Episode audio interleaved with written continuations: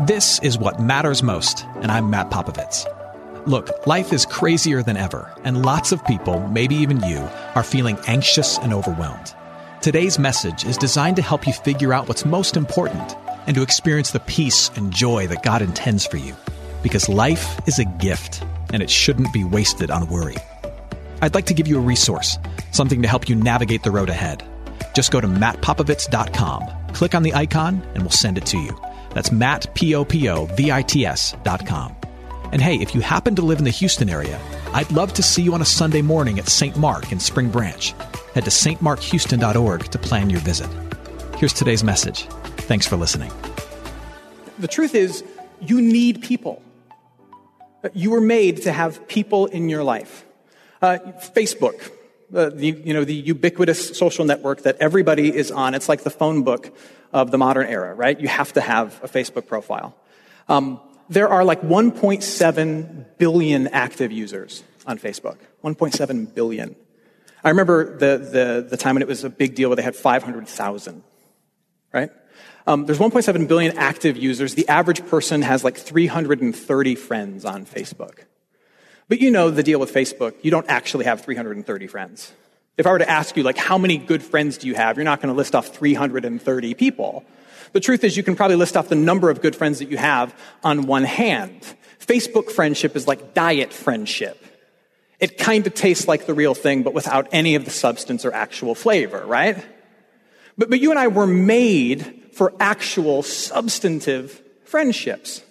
So much so that, that we will rally in relationship around really any kind of common cause that we can find.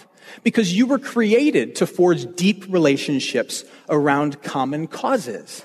And if you don't believe this truth about human nature, just watch reality television. So much of which, especially on basic cable, is about people forming relationships around a common cause. So, like my daughter loves to watch Cake Boss Buddy.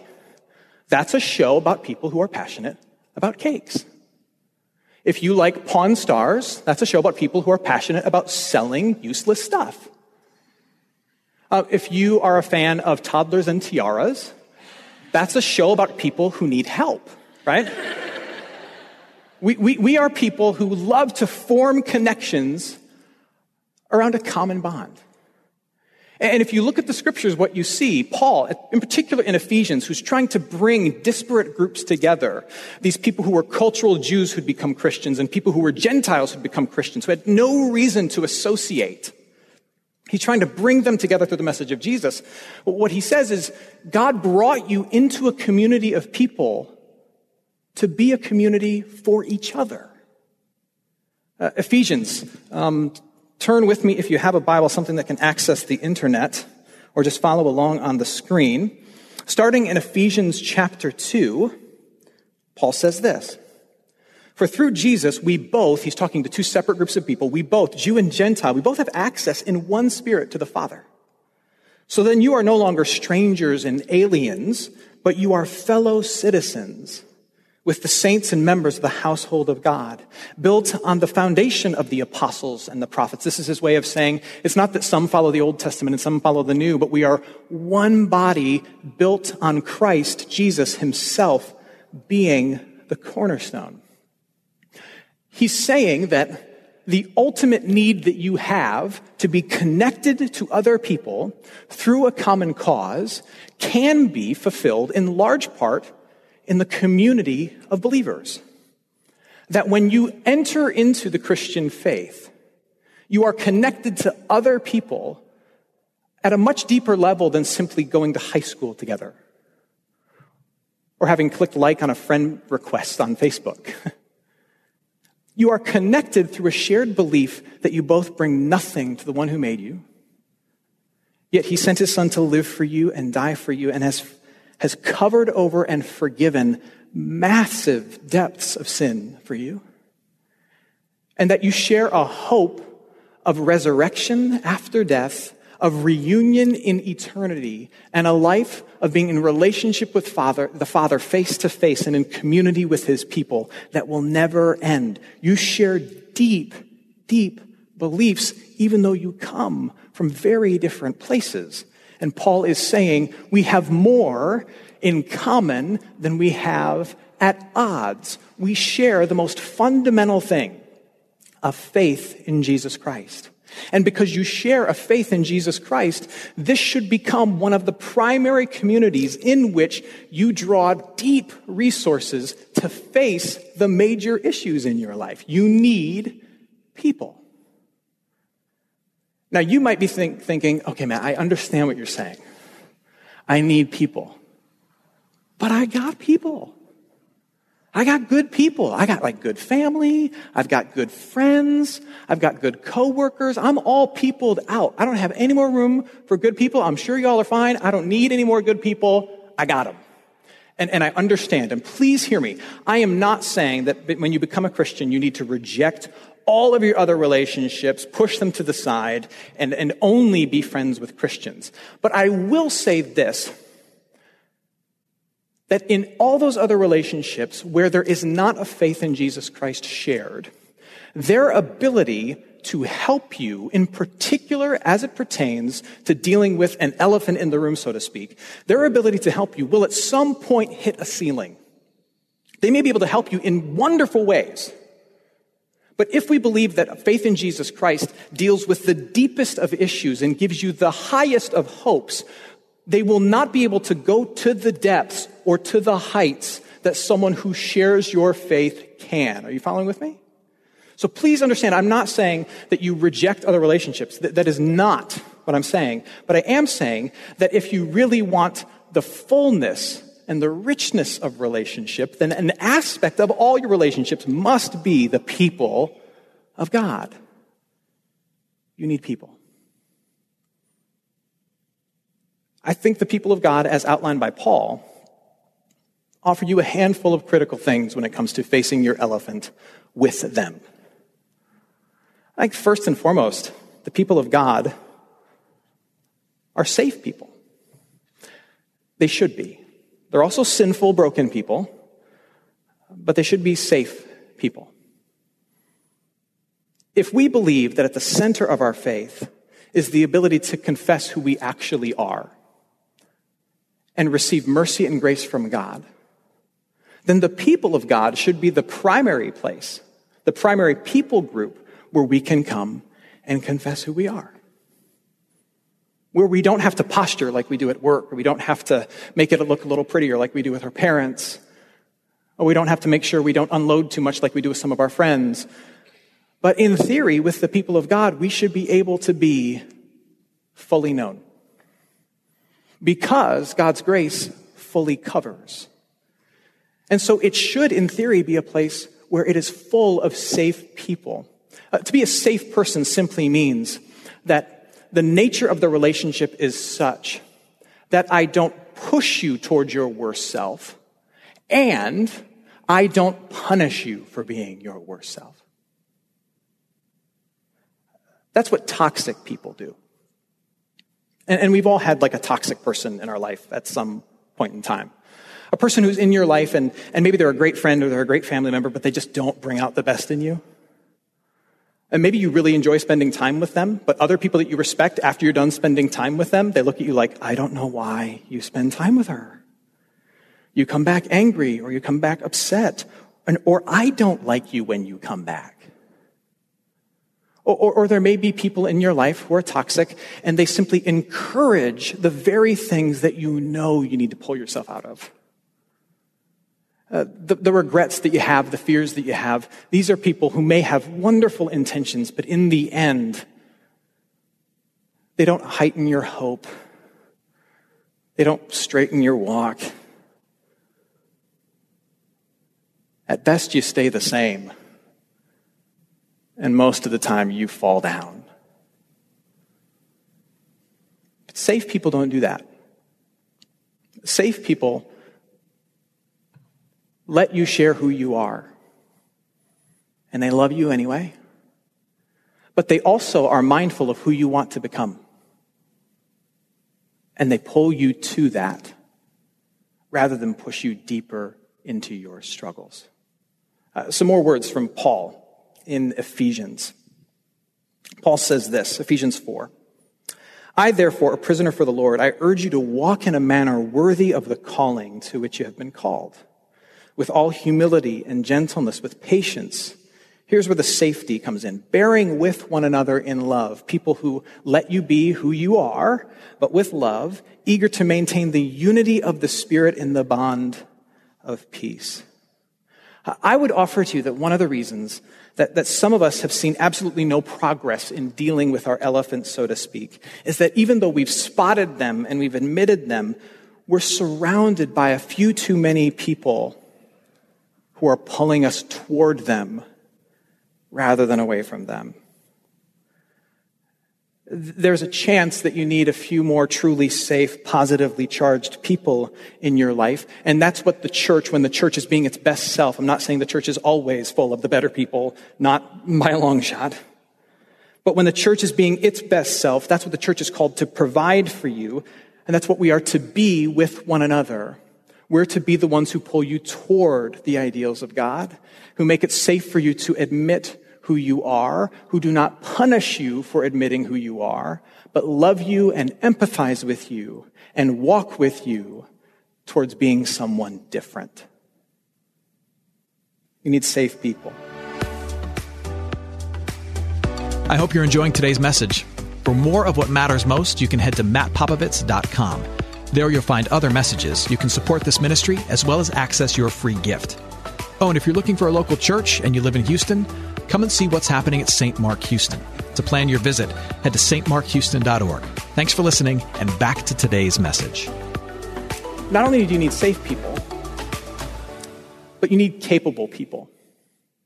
You need people who are gifted to help you and love you. It's one thing for someone to say, I'm going to help you deal with this elephant, but they have none of the equipment that's necessary. But again, in the people of God, there's a response to that. Ephesians chapter 4, starting out verse 11. God gave the apostles, the prophets, the evangelists, the shepherds and teachers to equip the saints for the work of ministry, for building up the body of Christ, until we all attain to the unity of the faith and of the knowledge of the Son of God, to mature manhood, to mature womanhood, to the measure of the stature of the fullness of Christ. People will say to me at times, uh, Pastor Matt, I've been really wrestling with this issue and it doesn't seem to go away. It's not getting better. I don't know what to do. And I will assure them of one thing and ask them another thing. I will assure them that the life of following Jesus is really not meant to be a life of total victory. There will always be some struggles. In fact, in our struggles, we are drawn closer to our need for the mercies of Jesus. So if, your if your expectations include life being nothing but Joel Osteen type victory, you're at the wrong church, okay? But then I'll ask a question Who have you invited into this? Like, is there anybody at church that you've confided in, who, who you've asked to, to, to, to pray for you, to walk with you, to help you? have you have you accessed any of the resources here at our church or in the church with a capital C throughout, throughout the world? Have you, have you accessed any of our incredible resources to help you? And often, often the case, when they come to me, they say, well, no. I don't want to burden other people. I, I don't really know if they can understand. I, I want to keep this to myself. And I can understand the sentiment of not wanting to burden people that you share life with in the church community. I can get that, but what do you think we're here for? I mean, I can show you verse after verse that says we are here for your burdens and you're here for mine. That I'm here to walk with you and, and you better be here to walk with me, to, to hear me and for me to hear you and for me to answer your text message and show up at your place and for you to answer my text message and show up at my place, for us to walk together and to help each other and to hold each other to do this thing and also, you, can't tell me that you want the love of Jesus, but you don't want Jesus' people. That's how he loves us. And the good news is that within the community of Jesus, he has equipped us. And you may not know how you've been equipped to help somebody else, but if Paul's words are even half true, and I believe they're all the way true, but if they're even half true, then there are some really talented people in our midst. Paul says that in God's church there are prophets. And what we mean by prophets are people who are equipped to speak God's truth to you in a way that your heart can hear it and your mind is convicted. that there are people equipped to teach you, that there are people who are evangelists who are gifted at reminding you of your forgiveness. That there are people here who are talented and able to give to you the thing that you need, but we will never know it if one, you never ask, and two, we, when they ask, never try. We need talented people. And we've got them. The third thing we need are truth telling people. We need truth telling people. Uh, and if you're here as a follower of Jesus, we're called to tell the truth to one another. Uh, it's another way of saying that we are to speak God's law to each other, that we are to speak the convicting words of God to each other when we see the other person playing with an elephant in their house. Or when they come to us and they say, Do you think this pachyderm is going to be a problem? Our job is to be the friend who will say, Yes, yes, it's a massive problem, and here's all the things it's going to destroy. Maybe the reason that you have an undealt with elephant, so to speak, in your life is because you have interpreted all truth as an attack. That when people come to you and they speak honestly to you, you put them in a category that says they're harming me, they're bad to me, they don't have my best interest in mind. But that simply can't be the case. Uh, one of my favorite phrases, and if, and if you've done any kind of counseling with me, I've probably shared it with you, is that all that hurts is not harm.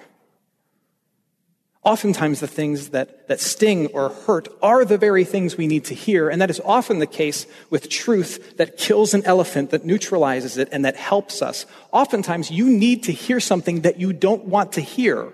And that's the reason the elephant has grown and become an unwieldy issue in your life, is because you refused to hear that truth. All truth is not an attack. Just because someone says something to you that is maybe potentially offensive to you or bothersome to you or convicting to you, it is not necessarily a bad thing to you. There's a difference between, between being mugged on the street and having surgery at a hospital. Both of them cut you sometimes. Both of them make you bleed. Both of them hurt. But one leaves you bleeding, and the other makes you better. We have to learn to interpret the difference between those two things. And in dealing with the elephant in your life, it means being open to people around you in the church, speaking difficult truth to you, of being able to say to you, look, man, the reason this relationship is suffering is because you've given all of your life to your work and you are not nurturing that primary relationship at all. And the reason she is flirting with him is because you are not in any capacity pursuing her. This is your problem, not hers. Someone needs to say that to you. Or look, I know you want to come home from work every night and kind of nurse the bottle and make the pain of Wall Street go away. I get that. I understand that urge. But you are destroying yourself. Someone needs to say that. And that person is not harming you. They're loving you. They're loving you far more than the person who enables you. Look again at the words of Paul. Again, in, in Ephesians chapter 4, now at verse 25, he says this Therefore, because we're united as a body of Christ, having put away falsehood, meaning we're not a community that lies to each other, we tell each other the truth, let each one of you speak the truth with his neighbor, for we are members of one another. Let each of us speak the truth to our neighbor, we are members one of the other. Now, a piece of advice when someone comes to you in the family of Christ and they ask for truth, uh, I, I advocate the model of Jesus when it comes to speaking truth. And the model of Jesus is this be hard on the problem and soft on the person. Jesus pulled no punches when he talked about activities and issues and ideas that were destructive. I mean, we, we love to think of Jesus as this kind of hippie teacher with flowing hair and a blue, like, pageant sash who's like, it's all good. But that is not who Jesus was oftentimes. If someone came to him and was like, hey, is this a sin? Jesus was like, oh, let me tell you how big of a sin that is. And then he said, but we should totally go get a drink together. He was ruthlessly truthful about the problem, but incredibly soft and welcoming toward the person. And that's how we should be with each other. Not only do you need someone who tells you truth, but if you're going to be in a community that's telling you truth, you also need people who can offer you forgiveness.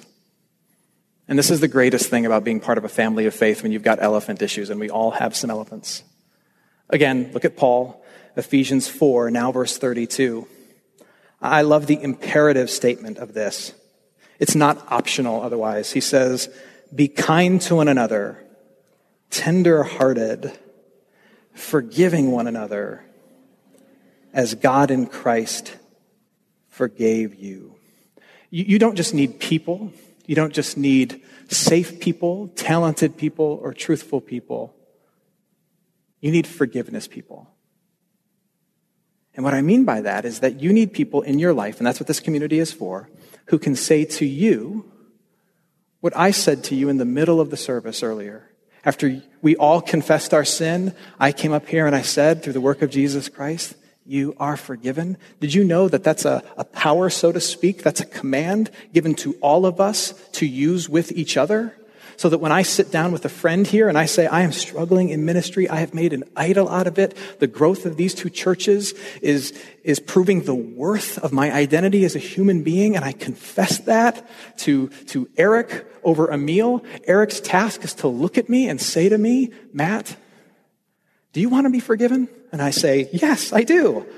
I hate this about myself. And Eric looks at me and he says, Matt, through the work of Jesus Christ, you don't have to prove anything. Your worth is proven through His worthiness. You're loved, man. Now let me pick up the check and pay for lunch. That's what we do for you need people in your life who can proclaim the gospel to you. Robert Putnam wrote a book called Bowling Alone.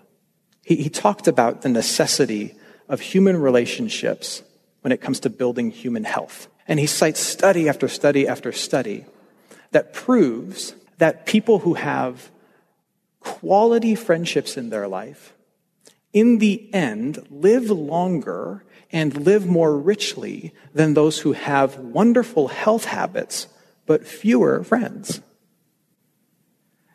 If you have very few friends, yet go to the gym on a regular basis, you are twice as likely to die in a two year period than someone who never goes to the gym but is surrounded by life giving relationships. That's profound to me. You were not meant to attack elephants alone. You know what else this means? That if you really want to live a long time and have a healthy existence, it is better for you to go smoke a cigar and drink some wine with friends than to go eat some kale by yourself. That is science. That is science. I'm pro science. You don't have to do it alone. Invite us in. We may not know how talented we are, but we're talented. We're, we're far from perfect. We're really broken, but at times we can be really safe. We'll try our best not to punish you for telling us who you really are, and we'll try our best to love you and push you toward Jesus rather than from him. And we will, we will try to do what others don't, which is tell you the truth that everything's not okay and that some things need to change. And we will be quick to tell you that through faith in Jesus, the most important problem is already solved. That's what you were made to receive. Hey, it's Matt. I hope you enjoyed what matters most. Here's what I need you to know life is a gift, and it shouldn't be wasted on worry. I want to help you figure out what's most important and to experience the peace and joy that God intends for you. So for more content, you can head to mattpopovits.com. That's Matt, P O P O V I T S.com. There you can also support this ministry as well as access your free resource, a little something to help you navigate the road ahead. I'd also love to see you on a Sunday morning. If you're in the Houston area, head to stmarkhouston.org to plan your visit. In the meantime, hit me up on Instagram at mpopovits or at facebook.com slash Matt Popovits Ministries. Thanks for listening. Now go and hold tight to what matters most.